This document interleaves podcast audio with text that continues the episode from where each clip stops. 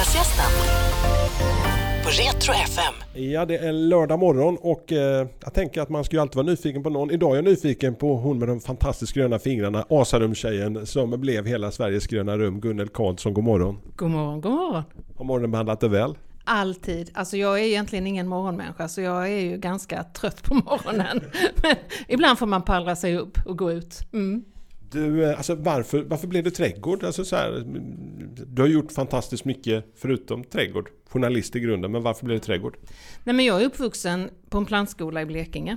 Pappa hade trädgård, han var plantskolist och mamma jobbade också där och min morfar hade handelsträdgård i Halland. Så att för mig var det sådär trädgård, ja men det hade man bara. Alltså för mig var det, det är alldeles självklart det här med trädgård och, eh, och jag fick väl, ja men jag fick väldigt mycket givet när jag var barn växte upp på 60-talet, hade väldigt mycket frihet, var liksom lilla syster och sladdbarn och sådär. Så att jag sprang i den här plantskolan väldigt mycket. Eh, och jag tror att det har präglat mig, jobbet. Men däremot så, så jag såg jag också avigsidorna. Alltså min pappa gick i konkurs, han var bättre trädgårdsmästare än ekonom. Och hade väl lite yviga planer som inte gick så bra. Och, eh, så jag kunde verkligen se baksidorna av det här jobbet. Att jobbade jämt, mina föräldrar jobbade jämt och det var liksom var det en sen påsk och kall vår, ja men då gick det åt pipan liksom. Så, att, eh, så trädgårdsmästare skulle jag inte bli. Nej. Utan jag blev journalist och det var kanske för att jag har en äldre bror då som också var journalist så jag kände nog att ja, men jag gillade att skriva och sådär. Så att. Och sen så kunde jag kombinera detta så småningom i livet vilket ju var fantastiskt.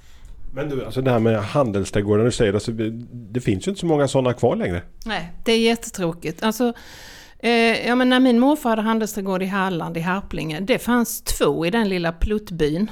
Och du kunde ju, var du än bodde i Sverige så kunde du gå till trädgårdsmästaren och köpa dina tulpaner eller din gurka eller ja, men vad du skulle ha, din finblomma för den delen.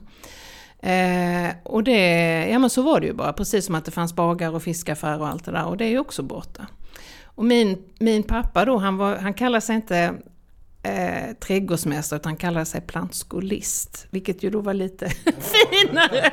Lite von oben sådär? Lite von oben. Nej men jag tror att han, han, han jobbade ju aktivt, han är egentligen samtida med Ingvar Kamprad. Och jag brukar säga att han, alltså Ingvar Kamprad, han möblerade folkhemmet och min pappa gjorde trädgården.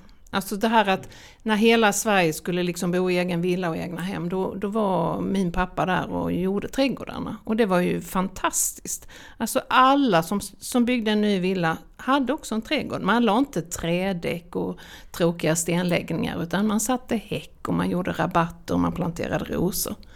Eh, så att trädgården var väldigt viktig då. Och sen har den ju blivit någonting annat på något vis. Och, det, och stora kedjor har tagit över och de där små trädgårdsmästerierna finns knappt längre idag. Vilket är jättetråkigt. Jag, jag sitter och, och funderar på många mörka sidor med, och baksidan som du fick uppleva. Men eh, vad är de ljusaste minnena från plantskolan? Alltså minnen om du bara sluter ögonen och tar det tillbaka när du var liten och sprang omkring i växthusen i Harplinge. Mm, ja men det är ju doften. Det är nog mitt första minne.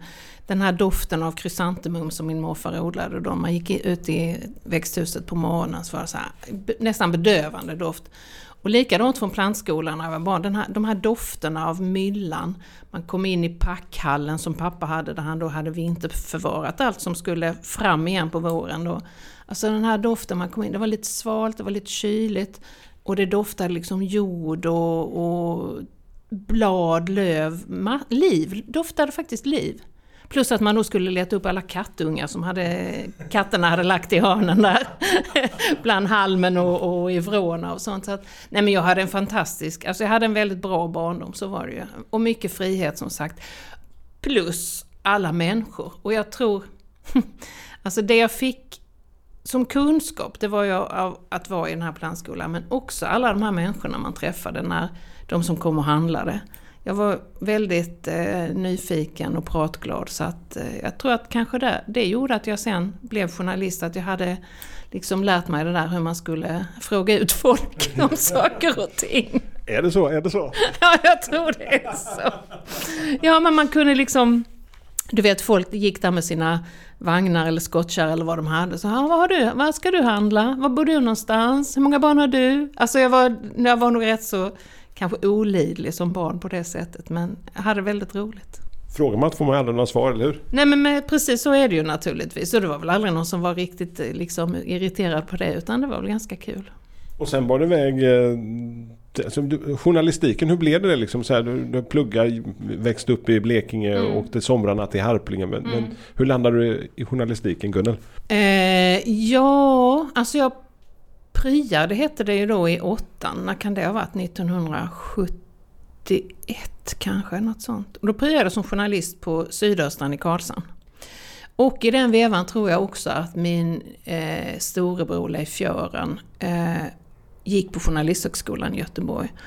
Eh, och jag var, alltså, jag var väldigt nyfiken, jag, jag läste jättemycket, jag skrev. Det var nog ganska självklart. Jag, tänkte aldrig på trädgårdsjobb, liksom. det, var inte mitt, det var inte min grej som yrke. Eh, min äldste bror utbildade sig till trädgårdsmästare så att han höll det vid liv. Liksom. Nej, men jag kände nog att nej, jag vill bli journalist. Och, eh, och sen sökte jag efter gymnasiet sökte jag till Skurup och kom in då direkt. Så när jag var 19 så började jag jobba som journalist i Blekinge. Vad var första jobbet de skickade ut dig på? Oj! Eh, alltså jag jobbade på Karlshamns Allehanda första sommarviket. Ja men det var ju de mest, det var ju väldigt mycket lokaljournalistik. Eh, och det var ju himla nyttigt för sen jobbade jag två år på Blekinge Läns Tidning i Ronneby. Det var jag och en man som heter Stig Martinsson. Redaktör. Äldre man tyckte jag då, han fyllde 50 då.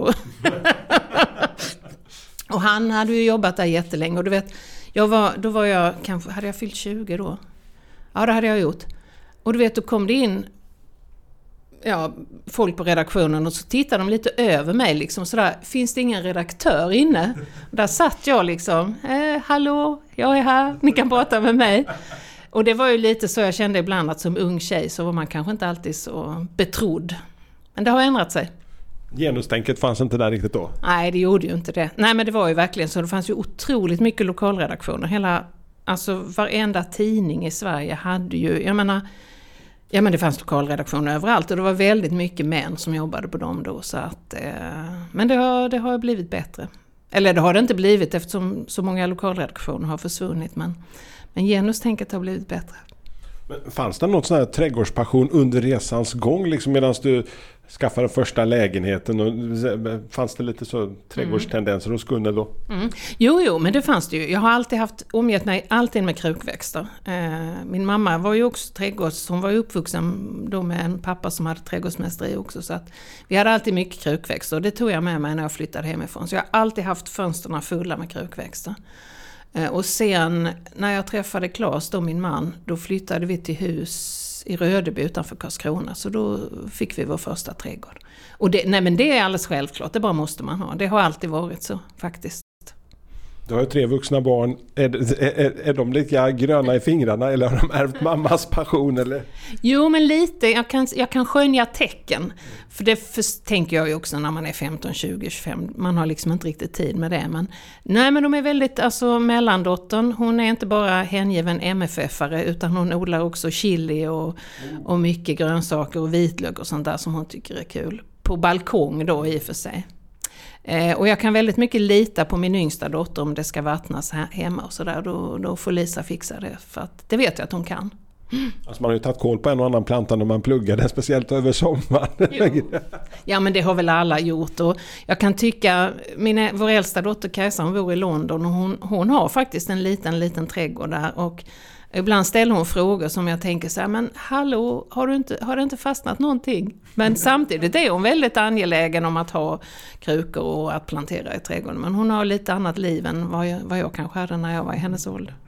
Storbritannien och trädgårdar, alltså det är ju någonting alldeles magiskt alltså för alla som kan sina trädgårdsshower. Eh, Chelsea Garden Show, vi har fantastiska Kew Gardens. Alltså du gissar på att du har hunnit göra några eh, Englandsresor. Jag har gjort några Englandsresor det är Eh, jag tycker det är fruktansvärt roligt att titta på trädgårdar. Eh, jag tycker det är kul att titta på andras trädgårdar, så att få gå över till grannen här som har en jättetrevlig trädgård och, eh, och resa ut i världen och titta på trädgårdar. Jag lär mig jättemycket av det. Men, och mest lär jag mig när jag åker till England. Dit åker jag väl kanske ja, men tre gånger om året i alla fall.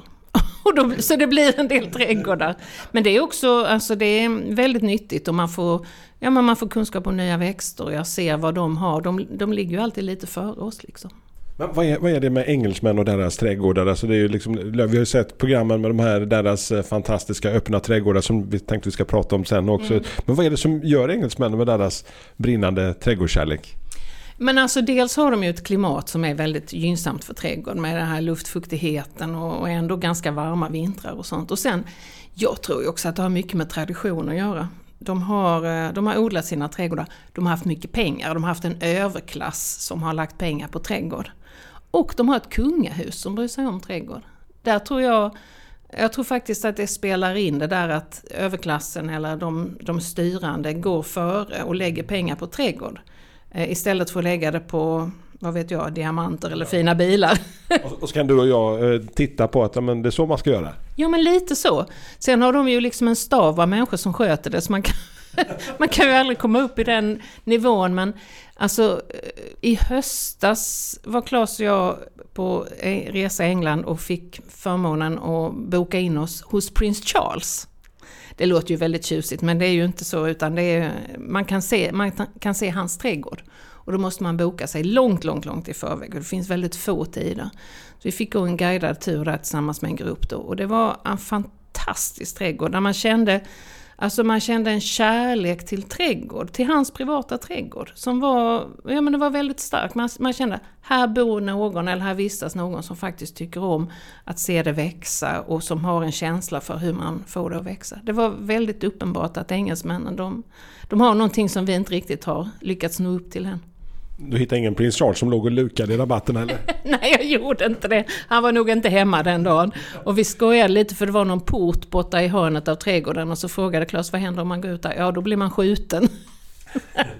Nej, men det var ju mycket säkerhet, alltså den är ju välbevakad. Och är han där så får man ju inte, då är det ju inga guidade turer då. Precis.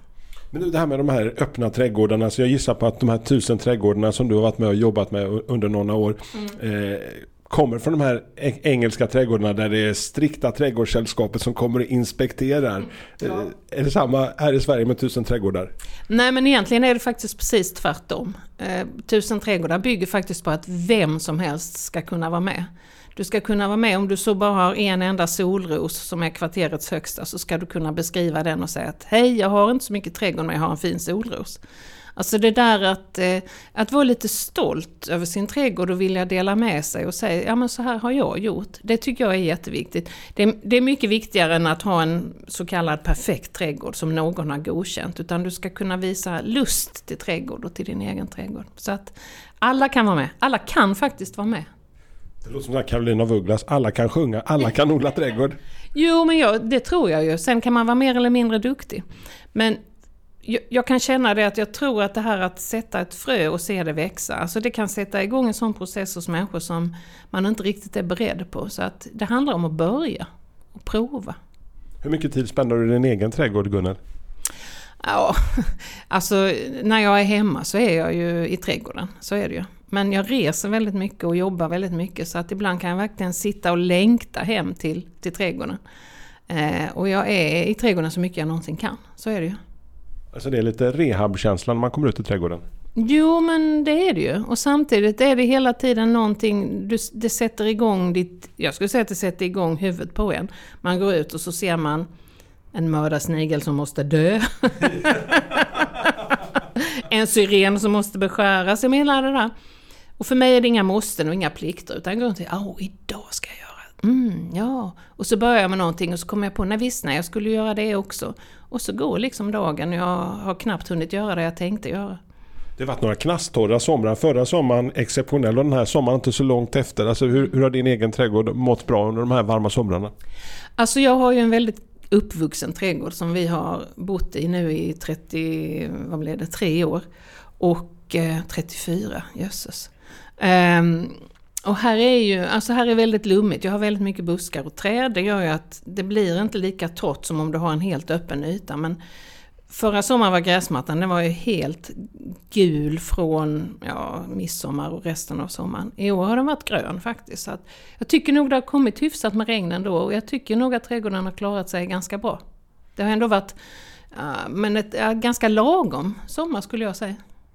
Jag hade varit jättestressad att bo granne med dig Gunnel. Alltså känner jag så att man springer, du vet man bor i ett villaområde och så ser man Den ena är värre än den andra. Speciellt de här eh, formationsklippta häckar och liknande. Ja, nej, men, nej, men man ska inte ha några sådana känslor. Man ska ju bara bry sig om sin egen trädgård och tycka att ja, men så här har jag det för att jag tycker om att ha det så här. Eh, och jag tror inte att mina, jag tror, om man tittar sig runt i, de här, i det här grannskapet så kan man se att mina grannar inte riktigt bryr sig om hur jag har det.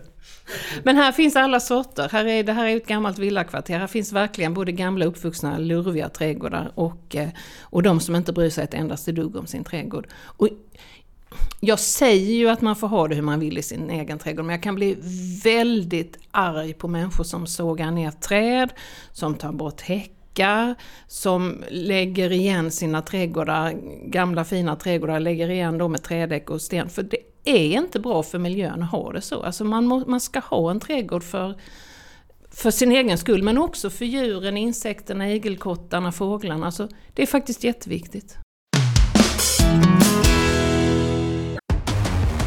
I snålblåst, svetslågor, på hög höjd eller med tung last tar du risker varje dag. Genom att erbjuda bästa tänkbara skyddsutrustning och rätt verktyg för jobbet kan vi göra ditt jobb säkrare. Och säkerheten har aldrig varit viktigare. Så välj Swedol. För säkerhets skull! För säkerhets skull. Nej. Dåliga vibrationer är att gå utan byxor till jobbet. Bra vibrationer är när du inser att mobilen är i bröstfickan. Alla abonnemang för 20 kronor i månaden i fyra månader. Vimla! Mobiloperatören med bra vibrationer. Men är det inte lite tidens tand att vi är så stressade och så eh, eh, flyttar vi in ett hus och sen blir det massa med måsten. Det ska underhållas och det ska se tillräckligt piffigt ut som, som du säger. Jag har ju sett en och annan i egna kvarteret där det har lagt stenar tvärs över hela gräsmattan. Den lilla täppan man har eh, så blir det sten och trädäck.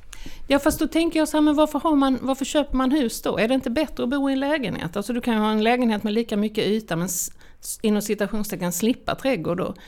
Eh, och man har ju, ja man har, inte, man har inte en trädgård, man har möjligen en uteplats. Och jag tycker det är lite tråkigt. Idag när omvärlden ser ut som den gör och miljön håller på att kollapsa så är det superviktigt att du och jag tänker på den gröna man kan ju tänka sig, ja men min lilla plätt på jorden, det gör väl ingen skillnad? Jo, men det kan faktiskt göra det. Din lilla plätt på jorden kan ju vara den plätten där, där någon överlevande skalbagge faktiskt kan överleva.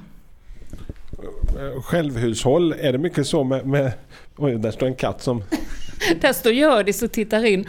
Det är vår katt, hon är väldigt trevlig men hon är lite, hon är lite blyg för främmande och samtidigt så är hon lite nyfiken. Så hon liksom håller sig, hon kollar i fönstret vad du håller på med. Lite radiodebut här. Men, men, men äh, äh, självhushåll med, med äh, potatis och grönsaker, är det mest blommor i din trädgård eller mm. så? Ja, jo men så är det ju. Jag har inte jag har inget grönsaksland längre. Jag har haft det, men det kan man ju säga om man inte är hemma så mycket på vår och försommar Eh, Eh, då är det, alltså då är det nästan hopplöst att sköta det. Så att jag har faktiskt lagt ner det. Eh, men man kan ju se idag att det är det som är väldigt inne för unga människor, det här att faktiskt odla sin egen, eh, sina egna grönsaker. Jag tycker det är jättebra. Däremot har jag mycket frukter och bär och så, alltså fikonen mognar nu och krusbären har precis slutat. Så att, eh, Ja, men jag har lite nyttigheter men jag har för lite tid för att hinna med just det där skötselkrävande.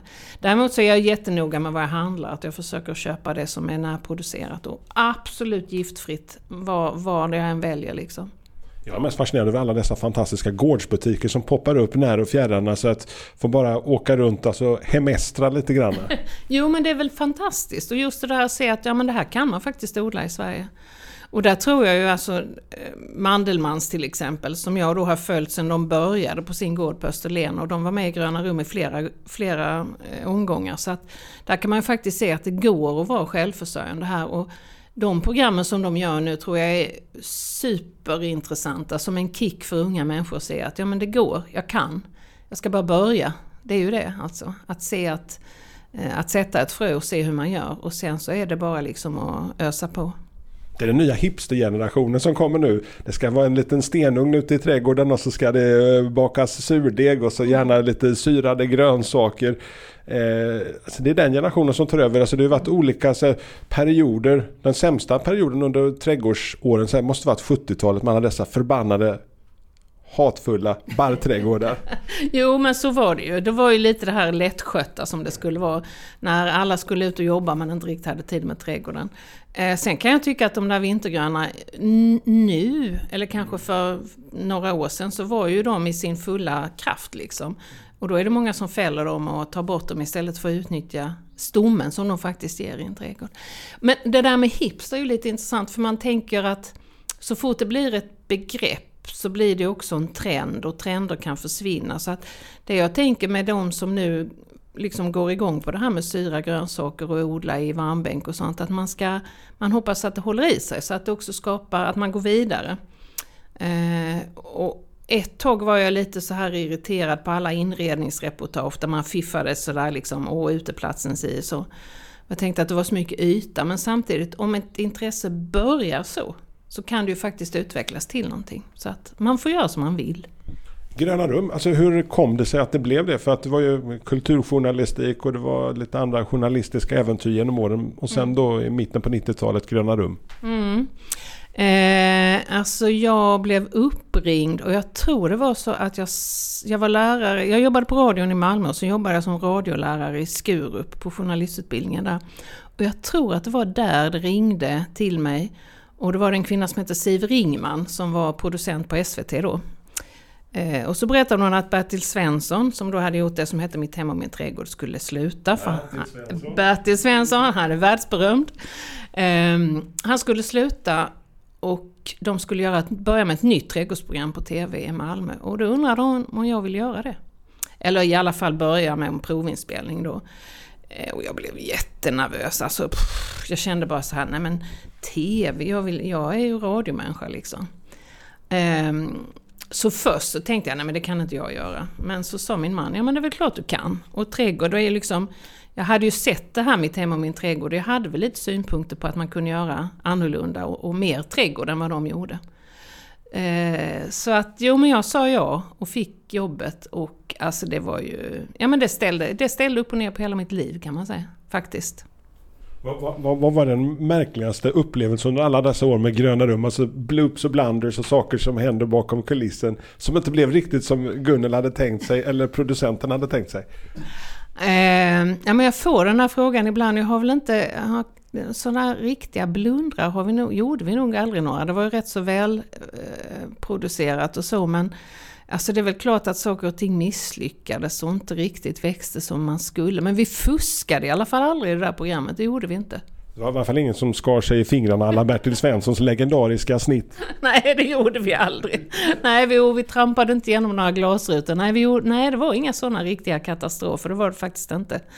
Eh, vi gjorde ju några direkt, ganska många direktsändningar, bland annat från Trädgårdsfesten på Sofiero. Och eh, där, andra gången vi gjorde det, vi vi sände direkt från parken där så hade, ja men vi hade ju en tid när sändningen skulle starta, om det var kvart över tre eller, var, eller tre. Och Peter Gaunitz, som numera tyvärr inte lever längre, han hade gjort en trädgård med ett kärr i. Så han, vi skulle börja hela programmet med att han stod i kärret.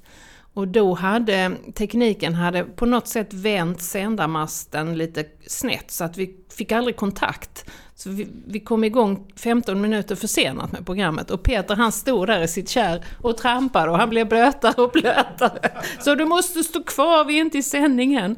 Men till slut så lyckades de få kontakt och då fick han trampa färdigt.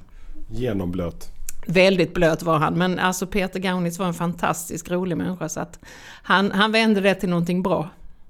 Om man nu ska ta en liten eh, trädgårdssemester, om, förutom att uh, kunna tjuvtitta in bakom häcken i, i Gunnels trädgård i Arlev. Alltså, om man nu ska ta sig en liten trädgårdsresa ut i Europa, kan du ge tips på ett par riktigt sådär fantastiska, mäktiga trädgårdar som är, kan inspirera? Mm.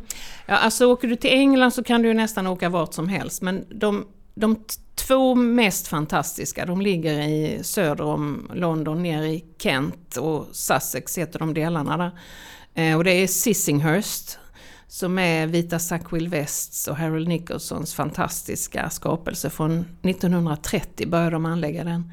Och det är då en sån här National Trust-trädgård, vilket betyder att engelsmännen tar hand om sina, sitt arvegods på ett väldigt bra sätt, så den är otroligt välskött och snygg.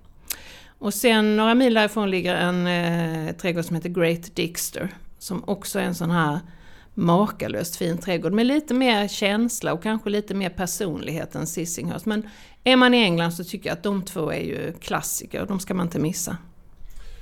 Gröna Rum lades ner och eh, sen dess frilansande Gunnel, berätta om det livet. Ja, men det var ju lite likartat på ett sätt med Gröna Rum därför att vi hade gjort det i nio säsong, tio säsonger och nio år och så plötsligt så skulle de då lägga ner det. För att de ville göra en annan sorts trädgårdsprogram och det kan jag väl ha all respekt för men jag tyckte det var lite tråkigt. Vi hade jättemycket publik och vi hade, alltså vi fick Claes Elfsberg som var sån här tittarombudsman, han sa att inget annat program hade fått en sån fruktansvärd läsare, eller tittarreaktion. Alltså det öst in brev från folk som ville ha kvar programmet. Så jag, tyckte att de, jag tyckte såklart att de gjorde det tokigt då. Och idag, 12 år senare, så får jag fortfarande den frågan från många, varför la de ner Gröna Rum? Men eh, ja, det kan man ju lämna bakom sig. Jag tycker eh, kanske att det hade varit kul att göra ett, en annan sorts trädgårdsprogram. Men jag kände i alla fall att jag vill inte vara kvar på SVT efter det och sitta och bli bitter över någon, något sånt. Utan jag sa faktiskt upp mig då och frilansar. Men bara med trädgård. Jag gör ingenting som inte har med trädgård att göra. Men är inte det lite läskigt om mitt i livet liksom och sen plötsligt så ska man då ta reda på för det jobbet mm. och jag har det ju inte för trygghetspundare direkt. Nej men alltså jag, det var jätteläskigt och jag förstår egentligen inte riktigt nu hur jag vågade men jag hade precis fyllt 50 och jag kände att Eh, ja, men om jag inte gör det nu, om jag, sitter, om jag inte gör det nu så kommer jag inte göra det. Och jag hade ju... Det kan man ju ändå säga med att ha jobbat med SVT, att man har en väldig goodwill med sig och folk vet vem jag är, de vet vad jag kan. Och jag är väldigt mycket public service-människa, så jag är inte liksom, jag, jag skulle inte gå in i något reklam-tv-projekt eller så, det är inte min grej riktigt, utan jag vill vara mer den här folkbildande typen. Och jag tror att det, har, att det har betytt någonting också. Sen gör jag lite kväll fortfarande för SVT, vilket är jätteroligt att ändå hålla fast vid TV-mediet. Men eh, hur ser en vanlig vecka ut? Jag vet att vi skulle försöka få tid att, att träffas. Det är som att det verkar ha hur fullbokat som helst. Ja, men alltså den här tiden på året, på våren och tidig höst är det fruktansvärt mycket att göra. Så nästa vecka ska jag upp på möte för Tusen trädgårdar som är nästa sommar igen den 28 juni så då ska vi börja projekta det. Eh, och sen ska jag då vara på Flyinge när det är sån här eh, trädgårdens, nu ska vi se, plant, den stora planteringsveckan, precis. Eh, och det är ju, där kan jag verkligen ärligen säga att hösten är en fantastisk planteringstid för att när jag växte upp då, då var det ju så att på plantskolan var det som mest att göra på hösten. Då visste alla att hösten är den tiden man planterar på. Det är också en sån här kunskap som bara plötsligt har poff, vad tog den vägen? Så det känns jätteroligt att vara där och stå och liksom få berätta för folk, det är nu du ska gräva i jorden.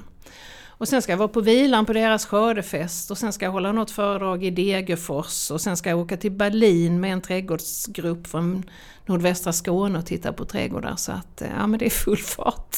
Du har nya bokprojekt på gång? Ja men det har jag också. Ehm, ett par stycken.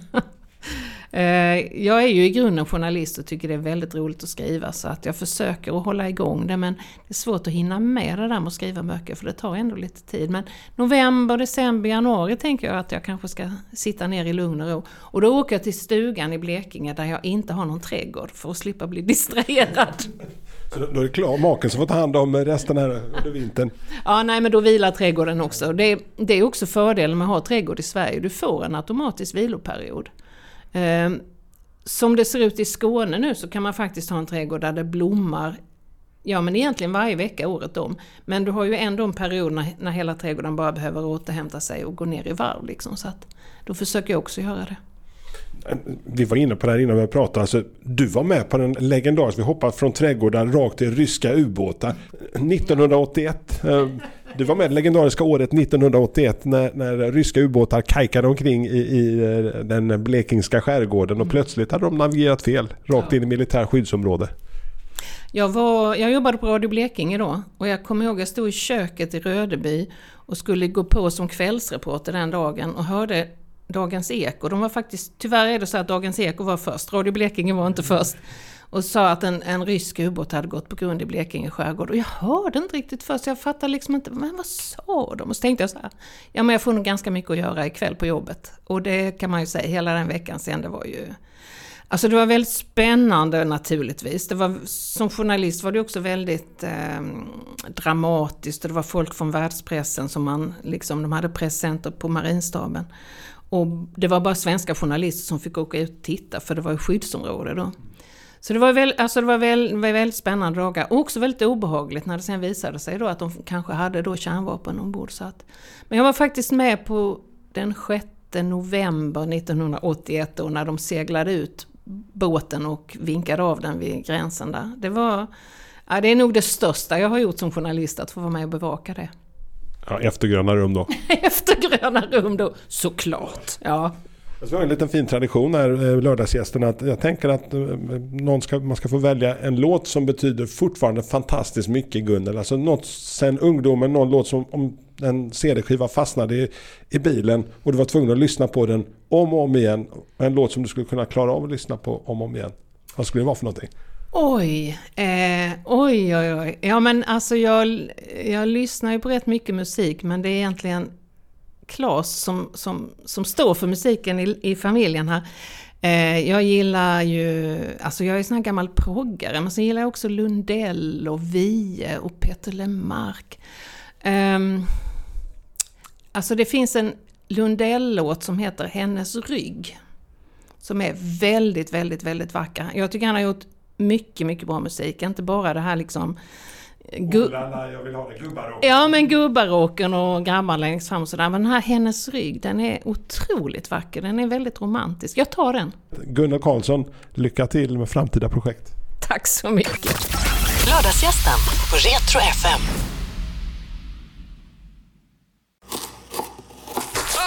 Dåliga vibrationer är att skära av sig tummen i köket. Ja! Bra vibrationer är ett du en tumme till och kan scrolla vidare.